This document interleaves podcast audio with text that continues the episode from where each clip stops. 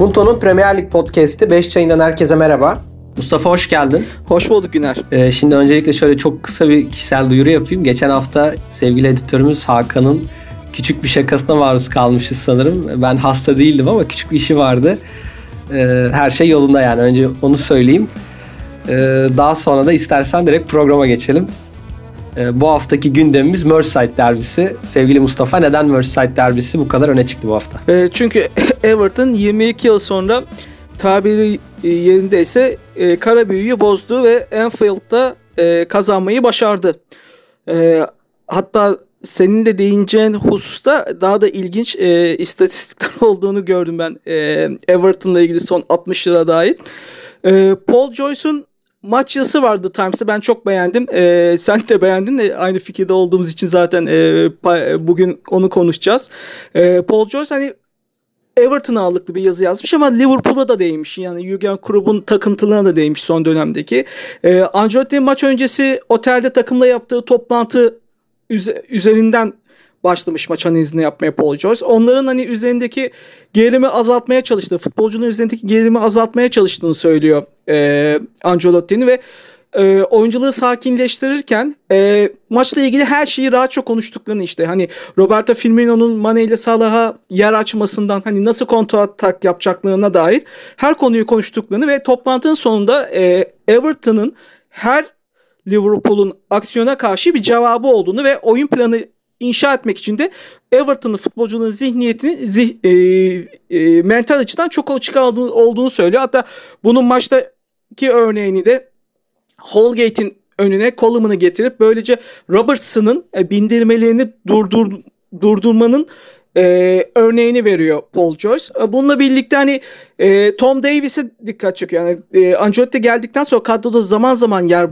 buluyordu Tom Davis. Her maçta 11'de yoktu ama e, Liverpool maçında vardı ve hani Liverpool maçında da Şubat 2019'da yani kaybeden Manchester City maçından bu yana en fazla topa müdahalede bulunduğu maçı oynadı ve e, bu, bunun da Everton'ın başarısında etkili olduğunu söylüyor. Yani istatistik olarak da şuna değiniyor Paul Joyce. Hani sağ, Salah sadece bir şut atabildi ve Mane de Kasım 2017'den beri driplinglerde en başarısız olduğu maçı oynadı ki o maçta bir Southampton maçıydı notunu düşüyor.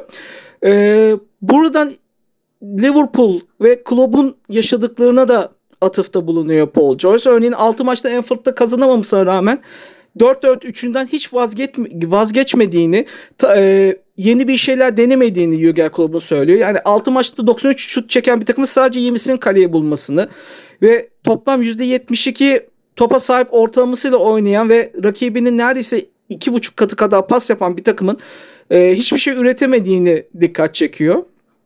Ve şuna söylüyor hani eğer 3-5-2 oynayamayan bir takım olabilir ama Thiago'yu verimli kullanmak istiyorsan 4-2-3-1'de pivot orta saha olarak deneyebilirsin. Bunu bile denemediğini ve yazın Lovely'in gitmesine rağmen herhangi bir e, stopper transferi yapmadığına ve bunun da takım için sorunlar oluşturduğunu tekrar vurguluyor Paul George Times'taki yazısında. Ya maça dair aslında genel e, konuşulanları bence bayağı iyi özetledin.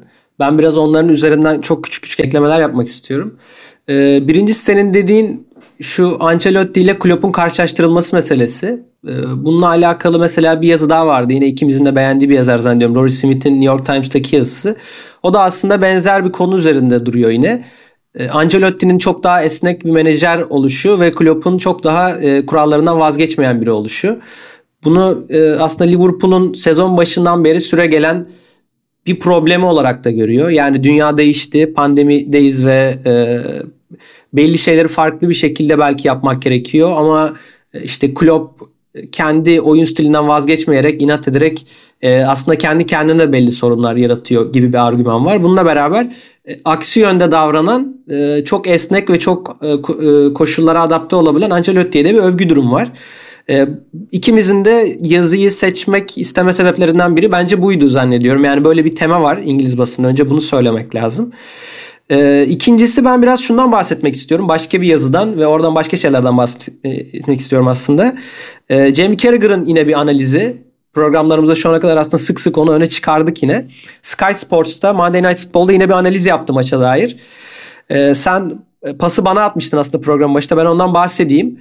e, Everton'ın çok kötü bir serisi var. Yani bu Türkiye'den e, işte Galatasaray Fenerbahçe derbi serisi gibi. Hani Kadıköy'deki. E, Everton 22 senedir kazanamıyordu. E, Liverpool'un sahasında Anfield'da.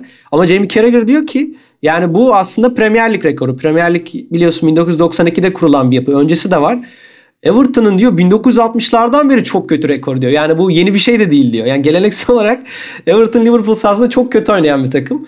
Ee, örneğin 70'lerde ve 80'lerde Everton gerçekten çok önemli bir kulüptü ve hani Avrupa şampiyonluğu bile yaşayan bir kulüptü. İki kere lig şampiyonu olan bir takımdı. Bu dönemde bile örneğin 80'ler boyunca iki kez galip gelebilmiş Anfield'da. E, Everton. 70'lerde iki kez işte 60'larda bir kez yani süreci 60'lardan alarak bakmış Jamie Carragher ve 10 kez bile galip gelememiş Anfield'da Everton. Önce bundan bahsetmiş ve aslında e, bu maçın ne kadar zor olduğunu vurgulamak istemiş. E, ve bu yüzden de diyor ki hani ben daha önce de sonuçta bu derbide çok kez oynadım. E, Everton kafasında bu maçı çok büyütüyor diyor kabaca. Jamie Carragher ve e, Ancelotti'yi bu noktadan da övüyor. Çünkü Ancelotti'nin maça bir e, sakinlik getirdiğini, senin bahsettiğin işte bir anekdot var. Onu örnek gösterebiliriz. Maça sakinlik ve sıradanlık getirdiğini söylüyor. Ve mesela ben bu yönünü de Ancelotti'nin biraz Mauricio Pochettino'nun Tottenham dönemine benzetiyorum. Pochettino da sürekli o Arsenal ile Tottenham arasındaki rekabet sorulduğunda ya Arsenal bizim rakibimiz değil. Yani biz büyük bir kulüp olmaya çalışıyoruz. Evet Arsenal eze, ezeli bir rakip ama bu derbiyi bu kadar gözünüzde büyütmeyin e, diyen bir insandı ve aslında öyle diye diye Tottenham e, Arsenal'den biraz daha bağımsız hakikaten bir güç haline geldi diyebiliriz. E, Everton'da biraz senelerdir hani kendisi de çok büyük kulüp olmasına rağmen hep kendini bir e, Liverpool'un anti kahramanı gibi konumlandıran oradan kendine bir hikaye yaratan kulüptü aslında belki de. E, Ancelotti'nin getirdiği o sakinlik ve sıradanlık hissi e, belki de Everton'ın e, o yeni yatırımlarla beraber büyüme havasına en önemli katkı yapacak fikirlerden biri olabilir gibi geliyor bana. Mesela bu maçta bunun adımlarından biriydi. Ben bunu öne çıkardım. E, ve hani Merseyside derbisi dediğin gibi bu kadar geçmişi bu kadar tarihi olan bir e, fikstür olduğundan dolayı da bu haftaki bizim gündem konumuzdu. Ya zaten hani bence iki yazıda maçın tamamının e, özete verilmişti. Hani zaten teknik taktikte hani Ancelotti'nin sakinliğiyle zaten Everton istediğine ulaştı. Hani belki bir tek şeyi söyleyebiliriz. Hani James Rodriguez'in 10 numarada daha ileride oynat, oynatılmasının hani o inanılmaz hani ilk goldeki Richarlison'a attığı pasın hani başka çok sayıda futbolcu tarafından atılmayacağı da dikkat çekiyor. Yani geçmiş maçlarda daha çok geride oynuyordu. Artık geride oynamıyor. ileride oynuyor. Ve de hani Ancelotti'nin bir başka başarısı da bu notu. Ya ilk maçta da mesela e, sağ kenarda oynadığında orada bir savunma zafiyeti yarattığı düşünülüyordu. Bu maçta örneğin onu merkeze çektiğinde hem o yönünden kurtarmış oluyorsun hem de dediğin gibi ofansif olarak daha etkili kullanıyorsun. Ki sağ kenardan e, sen de söyledin Rod James Rodriguez'i çekip bir de sağ kenarda öyle bir değişik e, Coleman'lı Holgate'li bir e, kulvar yaratınca da ekstra önlem de almış oluyorsun. E, deyip Ancelotti kısmında böyle bitirelim istersen ve analiz kısmına geçelim. Şimdi analiz kısmında da biz top 4 yarışını öne çıkaralım istedik. O da şöyle söyleyeyim ben yani çok farklı kuruluşlar hemen hemen hepsi bu hafta bu top 4 yarışından bahsetmiş. Daily Mail görmüş bununla alakalı bir haber yaptı. E, Sky Sports'un analizi var. BBC Radio 5'te konuşulmuş. E, Squawka'da yine böyle bir analiz var. Yani aslında ilk dört yarış kızışıyor ve e, her kuruluşta kendince bu ilk dört yarışına dair bize ipuçları vermeye çalışıyor. E, sen bu ipuçlarına dair bize bir özet geçebilir misin acaba? Sen başlar mısın bu konuda? Bence bahsettiğin yazılar içerisinde en doyurucusu hani Adam Smith Sky Sports'tan. Zaten Adam Smith bir aslında veri analizcisi ve e, yaptığı analizlerle Sky Sports'ta dikkat çekiyor. O çok çok detaylı bir analiz yapmış. E, hatta e, ilk 4 için iddialı 9 takımın birden tek tek demiş. E, ilk önce iki tane e, projeksiyona bakmış. Bu projeksiyonlardan birinde hani City 89 puanlı lider lider olarak şampiyonlar sezonu tamamlıyor. United ve Leicester 73 puan. Chelsea ve West Ham'da 67 puanlı sezonu bitiriyorlar. Aralarındaki sıralamayı averaj bölüyor. Yani West Ham averajda Şampiyonlar Ligi'ni kaçılmış oluyor. E, Football Observatory sitesinin algoritm, algoritmalığını kullanarak yaptığı bir e, projeksiyon var. O projeksiyonda da e, hani sağ, sağ, e, ceza sahası girişimleri, kaleye bulan şutlar, topa sahip olma yüzdesi gibi istatistikler üzerinden bu algoritmalar kullanılıyor ve orada da e, City'nin 86, United'ın 72, Liverpool'un 69 ve Chelsea e, Chelsea'nin de e, 68 puan alacağını şamp, e, Şampiyonlar Ligi vizesi alan son takımında Leicester olacağını söylüyorlar. 66 puan. Aston Villa'da 3 puan geriden 63 puanla e, sezonu tamamlıyor. E, bu projeksiyonlardan sonra ise şeye bak, e, bakılmış. Hani takımların sezonun geri kalan fikstüründe rakipleriyle oynayacakları maçlardaki rakiplerin ortalama sıralaması ve e, bu rakiplere karşı daha önce aldıkları puan. Örneğin Liverpool e, son şampiyon 12.1 birinci sırada olan rakiplerle oynayacak bir sezonun geri kalanı ve en kolay fikstüre de Liverpool sahip. E, sadece hani Tottenham'da maçları var bir 1.24 puan topluyorlar. E, United'ın rakipleri örneğin 9.9. sıradaymış ve e, Liverpool, Aston Villa ve Leicester'la Mayıs'ta oynayacak. Yani sezonu kapatırken Liverpool, Aston Villa ve Leicester var. E, bu rakiplere karşı da yani e, fiksiyon bundan sonra oynadığı rakiplere karşı da daha önce 1.46 puan toplamış. E, bence burada senin de muhtemelen dikkatini çekecekti. Chelsea'nin rakipleri, rakipleriyle yapacağı maçlar gerçekten zorlu olacak.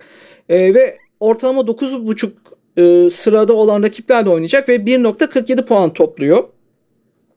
E, Leicester'da 10.9. sırada e, oynayacağı rakiplerin e, sıralamasının ortalaması ve e, sezonu kapatırken de United, Manchester United, Chelsea ve Tottenham'da oynayacak. E, şu ben şu notu düşmek istiyorum. Geçen de hatırlıyorsan Leicester sezonu çok çok iyi başlamıştı. Hatta ilk ikiden düşmez diyorduk. Sonra birdenbire baktık hani pandemi sonrasından pandemi sonrası e, verilen arının ardından hakikaten büyük bir düşüş yaşadı. Hatta Noel'den sonra yaşamaya başlamıştı bu düşüşü ve ilk e, dördün dışında kaldı. Şimdi sezonun yine sonu geliyor ve e, oynayacağı rakipler Manchester United, Chelsea, e, belki Tottenham bilmiyoruz. Tottenham'da en rahat fikstüre sahip Liverpool'la birlikte. Belki yine sonda bu ilk dörde girme yarışında büyük bir sıkıntı yaşayacak gibi.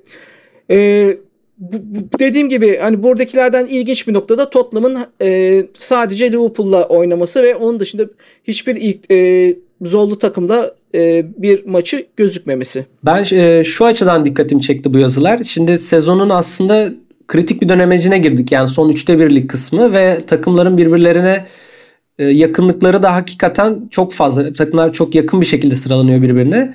E, ve şu noktada atıyorum bir takım 3 maç üst üste kaybettiğinde hani biz de bunu yapıyoruz. Belki taraftarları da yapıyor. Hani eyvah sezon gitti ne olacak gibi bir e, havaya girebiliyor insanlar.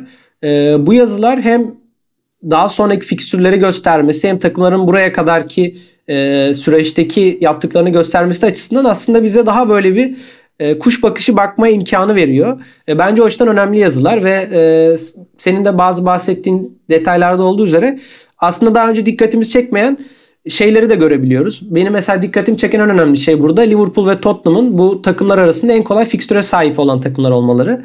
Yani aslında şu anda ikisi de çok kötü gidiyor gerçekten. Hani buna yönelik çok da bir karşı argüman yapmaya gerek yok. Yani form durumları ortada ve aslında sahada ortaya koydukları oyun da ortada. Ama e, bu takımların örneğin taraftarlarına söylenemeyecek çok doğru ve e, belki onları umutlandıracak bir şey varsa yani gelecek fikstürün hakikaten diğer rakiplere kıyasla çok çok daha kolay olması ve o anlamda e, hala her şeye rağmen ilk dörtte bitirme olasılıklarını çok daha az olmaması. Mesela bunu söyleyebiliriz örnek vermek gerekirse. E, bununla beraber de aksi yönde örneğin Chelsea'nin fikstürünün çok çok zor olduğunu görüyoruz diğer rakiplere kıyasla. Ve her ne kadar e, yeni menajerleriyle beraber Thomas Tuchel'le beraber iyi bir çıkış yakalasalar da e, örneğin Atletico karşısında da çok çok iyilerdi bana göre. E, her şeye rağmen belki sezonu ilk dörtte bitiremeyebilirler ve bu da belki de Tuchel için başarısız sezon diyemem ama tatsız bir şekilde noktalayabilir sezonu. Bu anlamda da hani merak edenler için özellikle de bu verilerle sayılarla ilgilenmeyi sevenler için önereceğimiz bir yazı olacak. Önereceğimiz bir analiz onu söyleyeyim. Burada bir de şunu istiyorsan kapatalım. Seninle program öncesinde konuşmuştuk. Acaba bizim bir e, tahminimiz olur mu diye. Aslında bu tahminler de daha sonra dönüp e, bize hani cevap olarak geri dönebiliyor ama sezon sonunda şunu demiştiniz bunu demiştiniz gibi. Yine de istersen bir tahmin yapalım yani. Senin acaba ilk dört adayların kimler veya bu konuda söylemek istediğin bir şey olur mu? Ee, ben bu yazıyı okuduktan sonra bu yazıyı okumadan önce aslında benim ilk dört tahminim iki Manchester takımı, Leicester ve Chelsea'ydi. Fakat yazıyı okuyup da Chelsea'nin bu fikstürünü gördükten sonra ve Liverpool'un fikstürünün de ne kadar e, zor olmadığını görünce bence hani e, ilk dördü Liverpool tamamlayacak. Yani iki Manchester takımı artı bir e, Leicester'a e, ek olarak. Ama benim gönlümden geçen e, West Ham'ın da bu ilk dörtte yer alması. Çünkü artık Hani şöyle bir sıkıntı olmaya başlıyor. Hani devamlı hep aynı takımlar Şampiyonlar Ligi'nde mücadele ediyor ve bunu da bu bunu da bir kendi açımdan hani en azından Premier Lig'den farklı takımın Şampiyonlar Ligi'nde olmasını istiyorum. Hani West Ham'da bu sezon oynadığı futbolu bunu hak etti ve ilk dörtte hani West Ham yer alsın isterim açıkçası. Ben de şöyle iki aşamalı bir yorumda bulunayım. Birincisi bundan mesela bir ay önce bir böyle bir soru sorsaydın bana benim cevabım iki Manchester takımı Liverpool garanti dördüncü sıra açık bence Tottenham olur derdim. Ee, şu an hala ilk iki bence Manchester takımının yeri garanti ilk dörtte. Fixture'dan da bağımsız olarak söylüyorum bana göre böyle. Ee, 3-4 bence açık şu an. Yani Liverpool o kadar kötü bir seri yakaladı ki buradan dönüşleri hakikaten nasıl olur ben bilemiyorum. Yani fixture ne kadar kolay da olsa e, çok kolay öngöremiyorum. E, Leicester da aslında çok iyi gidiyor. Haklısın ve yazıda mesela bahsedilen bir şey Leicester'ın en önemli avantajının sezon başından beri çok istikrarlı oluşu. Yani slow and steady demiş yazıda. Yani yavaş ama çok düzenli adımlarla gidiyor. E, istikrarlı adımlarla gidiyor. O yüzden de aslında Leicester belki bu iki takımın altına yazılabilir ama senin de bahsettiğin o geçen sezonki düşmeden dolayı da benim de kafamın ucunda acaba bir olabilir misi var. Ee, ama bilemiyorum. Ben ilk iki yine garanti bırakıp 3-4'ü e, soru işareti olarak bırakıyorum. Ama West Ham'a dair iyi dileklerim benim de var. Sende olduğu gibi ve aslında fixture'ları da hiç fena değil. O yüzden e, West Ham'ın artık sürpriz bile değil aslında çok ciddi bir aday olduğunu söyleyelim. İlk 6 değil ilk 4 içinde. E, ve buradan da istatistiğe geçelim istersen. İstatistiğimiz Jose Mourinho ile ilgili. Ben e, çok kısa önce şu notu düşeyim sana vermeden sözü. Yani as- aslında biz sonuçta burada basının bir derlemesini yapıyoruz ya. Yani bu derlemeye kıyasla bir ağırlık vereceksek aslında Jose Mourinho'ya çok daha fazla yer ayırmamız gerekirdi bence programda. Çünkü e, bu hafta sonu yine çok fazla Jose Mourinho yazısı çıktı. E, çünkü Tottenham kötü gidiyor. Ama e, biraz da hep aynı şeyler konuşulduğu için ben onları biraz yatsıyıp daha böyle küçük bir yer ayırmayı tercih ettim. Yani biraz editoryal bir tercih yaptık. Hani bunu da söyleyeyim istiyorum. E, Jose Mourinho peki neden bu kadar konuşuluyor? Bunu bir istatistikle bize açıklayabilir misin? Ee, senin de dediğin gibi Güner, Jose Mourinho istatistik köşemizin bu haftaki konu. Aslında Jose Mourinho iki farklı istatistikle konuk olabilirdi ama ben e, farklı e, beğendiğim istatistiği aldım. istatistik köşesini e, derleyen kişi olarak. E, Jose Mourinho Premier Lig'de ilk defa e, çalıştırdığı takımlarda %50 topa sahip oranı olma oranının altında kaldı. E, 2004-2005 yılından sezondan bu yana e, hiçbir zaman %50'nin altına düşmemişti. Örneğin ilk sezonda Chelsea'de %55.4'ü yakalamış. Bir sonraki sezon yani 2005-2006'da %56.7'yi yakalamış. 2007-2008 e, sezonunda Premier Lig'deki en yüksek topa yüzde en yüksek topa sahip olma yüzdesini yakalamış Chelsea ile birlikte 60.1. Fakat bu 2015-2016 yani Chelsea'de kovulduğu sezondan itibaren düşmeye başlamış. Örneğin son sezonda 57.2'ymiş. Manchester United'daki ilk sezonda 56.6 ya düşmüş. Daha sonra 55.2 ve derken Chelsea e, Tottenham'da geçen sezon ilk sezonda %50'yi yakalamış. Bu sezon ise %48.8 ile oynamış. Hatta e, bu sezonun en fazla konuşulan konularından biri artık Jose Mourinho topu rakibine bırakıyor. E, topla oynamıyor. Daha çok e, kontra atak futbolu oynar gibi oynuyor. Özellikle bu Big Six'teki rakiplerine karşı. Aslında bu da bu istatistiği doğruluyor. Hani Jose Mourinho artık e, topa sahip olan bir takımın teknik e, menajerliğini yapmıyor. Topa daha az sahip olan %50'nin altında olan bir takımın menajerliğini yapıyor. Tottenham örneğinde bu sezonki. Ben de şöyle bir karşı argüman vereyim. Yani öne çıkmasının sebebi aslında ilk 50 maçını tamamlamış olması Tottenham menajeri olarak. E, buna dair de çeşitli kötü istatistikler çıkıyor. Herhalde iyi çıkan bir istatistik yok. E, benim dikkatim şöyle bir şey çekti. Ben burada biraz şey yani şeytan avukatlığını yapayım. Bunu tırnak içinde söylüyorum şeytan kısmını. Ee, şimdi şöyle bir durum var. Mesela Tot menajerler arasında bakıldığında, yani Premier Lig menajerler arasında bakıldığında Jose Mourinho 50 maç sonunda 81 puan toplamış ve bu kendi kariyeri açısından gerçekten kötü. Yani daha kötü puan topladığı bir sezon daha var. Orada 95 toplamış. Manchester United'la ki yüzün altına düştüğü bir takım yok normalde. 50 50 e, maçın sonunda. Ama biz Tottenham menajerlerine baktığımız zaman 50. maçı tamamlayan Tottenham menajerlerine baktığımız zaman zaten en iyisi 92 puanlı. Andre Villas-Boas, Harry Redknapp 86, Mauricio Pochettino bile 85 puan toplamış. O zaman Mourinho 81 puan topladığı yerde. Ee, yani aslında Tottenham'ın belki biraz seviyesi de bu olabilir. Ee, böyle bir durum da var. Yani Tottenham belki de Mourinho'nun daha önce çalıştığı kulüpler seviyesinde bir kulüp olmayabilir. E, burada tabii benim yine argümanıma karşı bir argüman olarak e, şu anki Tottenham takımı o dönemki Tottenham takımlarından daha iyi bir takım da denebilir. Ama e, bence bu da tartışmalı bir konu. Çünkü zaten düşüşte olan bir takımdı Tottenham ve e, o takımı ayağa kaldırmak üzere geldi Mourinho'da. E, dolayısıyla bence tartışabiliriz. Yani Mourinho şu an çok kötü gidiyor. Bu ayrı bir mevzu. Son maçlarını kaybetti. Yine kulüpte bir kaos havası var. E, moralin çok kötü olduğundan bahsedebiliriz ama e, bu bölümün başında söylediğim gibi bir şeyler kötü gittiği zaman Mourinho'ya dair İngiliz basında özellikle çok ciddi sert eleştiriler oluyor ve bunların yoğunluğu da artıyor yazıların. Hacmi de artıyor. E, dolayısıyla e, bilemiyorum ben o kısma çok katılmadığım için bu sefer biraz kısa kestik ve o yorumlara çok yer ver vermedik e, programda diyeyim ama e, böyle bir selam da vermiş olalım Mourinho kısmına. Kötü gidiyor gerçekten. Bunu yatsıyacak bir durumu yok diyelim. Yorum kısmına geçiyorum buradan da. Mikel Arteta'ya geçiyorum. Yorum kısmında. Bunun bir sebebi Arsenal'i haftalardır konuşmuyoruz. Arsenal artık gelmemiz lazım. Dördüncü programdayız. Bir sebebi de Arsenal Manchester City ile oynadı bu hafta sonu ve bu maçın şöyle de bağırlığı vardı tabii. Mikel Arteta'nın Pep Guardiola'nın belki de yani bir yerde varisi olması veya usta çırak ilişkisi olması aralarında. Bu açıdan da enteresan bir maçtı. Ve e, maçtan önce Independent gazetesinde Miguel Delaney'nin bir yazısı vardı bu duruma dair. Sen e, bu yazıyı özetlemek ister misin? Ben daha sonra bu yazıya dair birkaç yorum yapmak istiyorum. E, Miguel Delaney aslında e, Arteta, Arteta ile e, Pep Guardiola'yı karşılıyor ve diyor ki hani Pep Guardiola e, bu sezon başında işler yolunda gitmeyince e, sistemini büyük ölçüde değiştirdi. Arteta ise geçen yıl hani FA Cup'ta yendiği Manchester City karşısında oynadığı futbolu değiştirmedi. E, aynı e, e, felsefeyle devam ediyor. Peki ikisi arasında hani e, bir fark var mı ya da benzeşiyor mu diye soruyor Delaney. E, çünkü senin de bahsettiğin gibi hani e, Guardiola Arteta çok çok yakın. E, e Arteta Arsenal'in başına geçmeden herkesin bildiği üzere Guardiola'nın yardımcısıydı.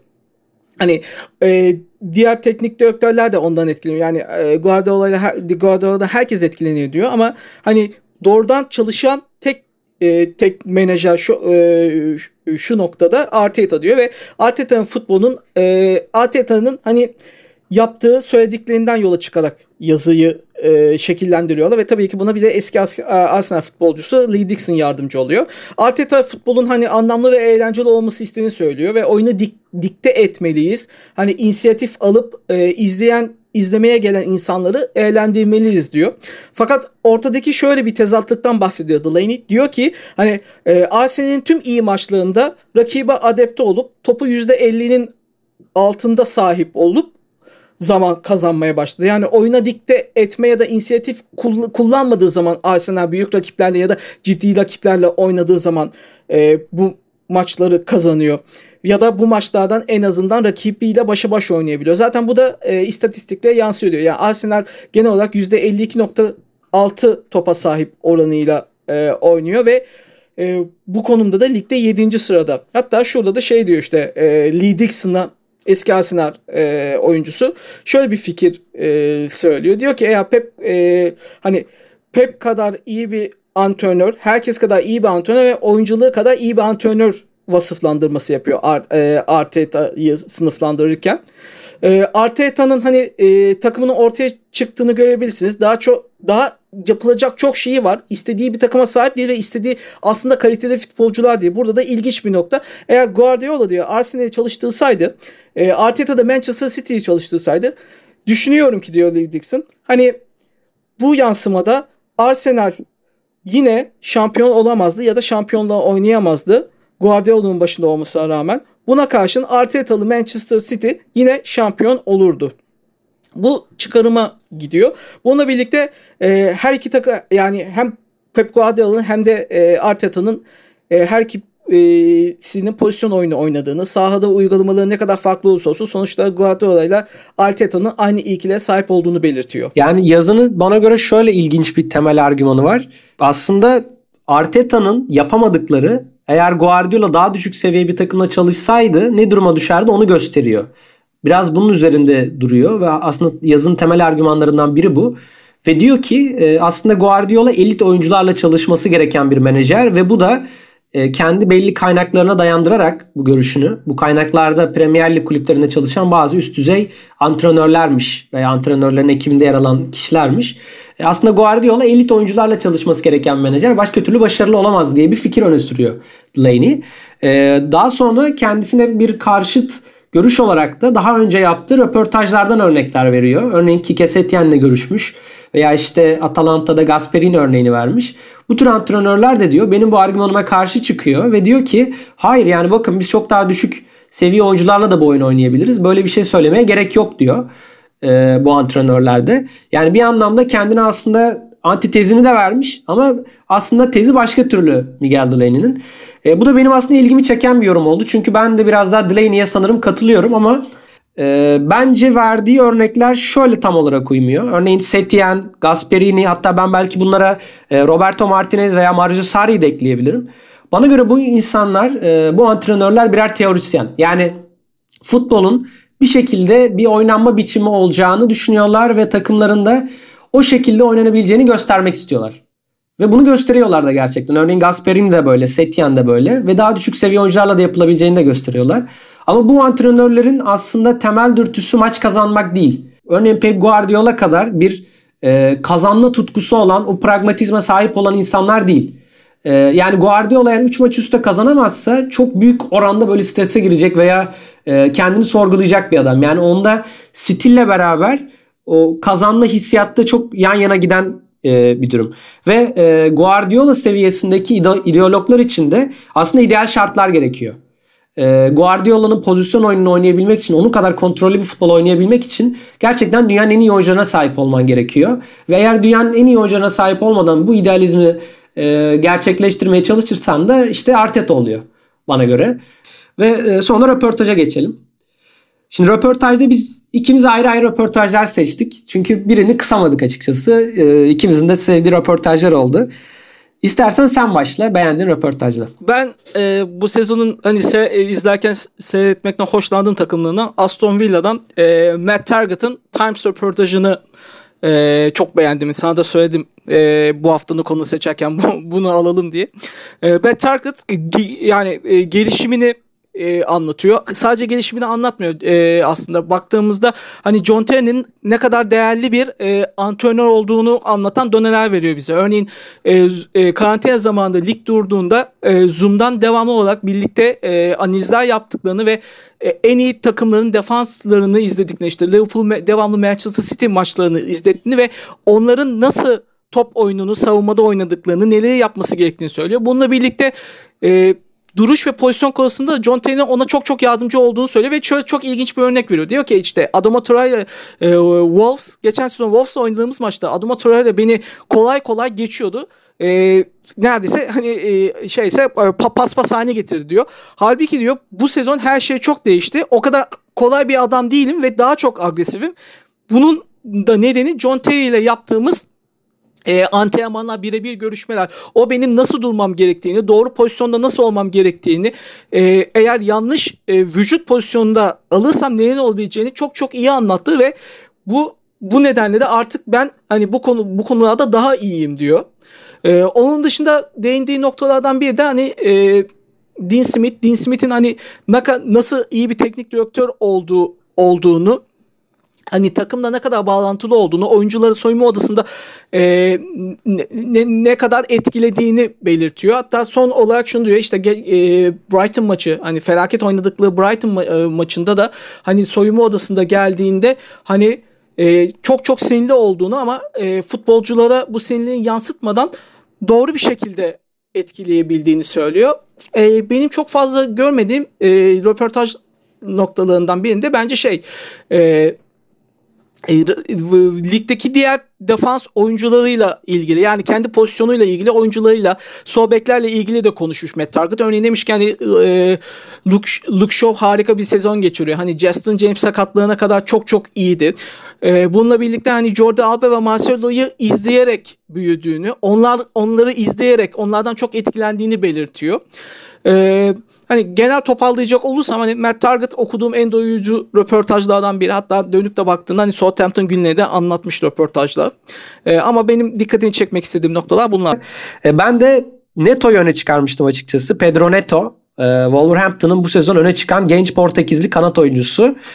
E, acaba neden Neto öne çıktı diye de aslında düşünmedim değil. Çünkü e, yani benim öne çıkaracağım röportaj The Athletic'teydi. Ama Telegraph'ta ve BBC'de de yine Pedro Neto ile alakalı bu hafta yazılar vardı. Sonra düşündüm dedim ki Cuma günü maçı var Wolverhampton'ın. Herhalde o yüzden. Cuma günü çok fazla maçı olmuyor. Ee, bir diğer nedeni Wolverhampton e, Raul Jimenez sakatlandıktan sonra 11 maçta bir galibiyet almış. Daha sonra ise son 4 maçta 3 kez kazandılar. Yani bir çıkış içindeler. Ee, ve bu çıkışta da herhalde e, Pedro Neto'nun önemli bir payı var. Bundan artık bahsetmek gerekiyor. E, Neto şöyle enteresan bir oyuncu. 21 yaş altı oyuncular arasında bu sezon en fazla gole katkı yapan oyuncuymuş. Benim dikkatimi çeken kısım biraz şurası oldu. E, babası bir hokey oyuncusuymuş Pedro Neto'nun ve kendisi de küçükken çok uzun süre hokey oynamış. E, hokey derken ben buz hokeyinden bahsetmiyorum. Yani roller hokey diye bir oyundan bahsediyor İngilizce ve sanırım çim hokeyi. Yani ee, tekerlekli paten hokeyi Türkçesi. Ha, evet yani Evet yani şey e, buzda oynanan okey değil azından öyle söyleyeyim. Ve tabii onda da çok süratli bir şekilde karşı kaleye gidiyorsun ve e, böyle biraz dizlerini kırarak oynuyorsun. Hani e, dinleyiciler gözünde canlandırabilir. E, Neto da bu oyunda çok başarılıymış. Hatta milli takıma kadar yükselebilecek bir oyuncuymuş. E, diyor ki koşu e, koşu stilim ve kaleye gidişim biraz oradan aldım diyor. E, çünkü çok hızlı bir şekilde kaleye gidebilen ve çok e, kolay bir şekilde rakiplerini yanıltabilen bir oyuncu. E, diğer yandan da çok iyi bir aile hayatı olduğunu öğreniyoruz Neto'nun. Hala annesi babasıyla yaşadığını, sürekli babasından belli girdiler aldığını, iyi bir sporcu ailesi olduğunu. E, ve Neto'nun geleceğinin gerçekten çok parlak olduğunu görebiliyoruz. Ee, ve şöyle bağlayayım. Hani Jimenez'in sakatlığı belki çok, tabii çok kötü oldu. Hem oyuncu açısından hem Wolverhampton açısından. Çünkü o sakatlandığında 7. sıradalardı ve üst sıralar oynuyorlardı. Bir yandan da sezonları bitti. Ama e, Neto gibi gerçekten ileriki yıllarda dünya futboluna e, önemli şeyler katabilecek bir oyuncuyu da aslında bu sezon çıkış yaptırmış oldular bir nevi. E, Neto'yu tanımak da benim hoşuma gitti öyle söyleyeyim. E, bu hafta sonu da öne çıkan isimlerden biri olmuş Pedro Neto. E, ekleyeceğim bir şey olur mu? e, benim tek ekleyeceğim yine Lazio dönemlerinde hani e, Simone Inzaghi'nin hani e, genç oyunculara karşı mentalitesinin olmadığını, onlara yer vermediğini söylüyor ama dikkat çeken bir nokta yardımcı antrenör onu çok sevdiğini ve aslında onun e, hız hız ve e, e, şut atma gelişimini sağladığını ve bu nedenle aslında Lazio'da iki sezonda hani oynamasa da yardımcı antrenör sayesinde bir gelişim sağladığını söylüyor. Ee, o kısmında çok ilginç geldi bana röportajda. Evet. Yani bu hafta öne çıkardığımız konularda böyle o zaman. Ee, bizi dinleyenlere teşekkür ediyoruz. Ve önümüzdeki hafta tekrar görüşmek üzere diyoruz. Kendinize iyi bakın.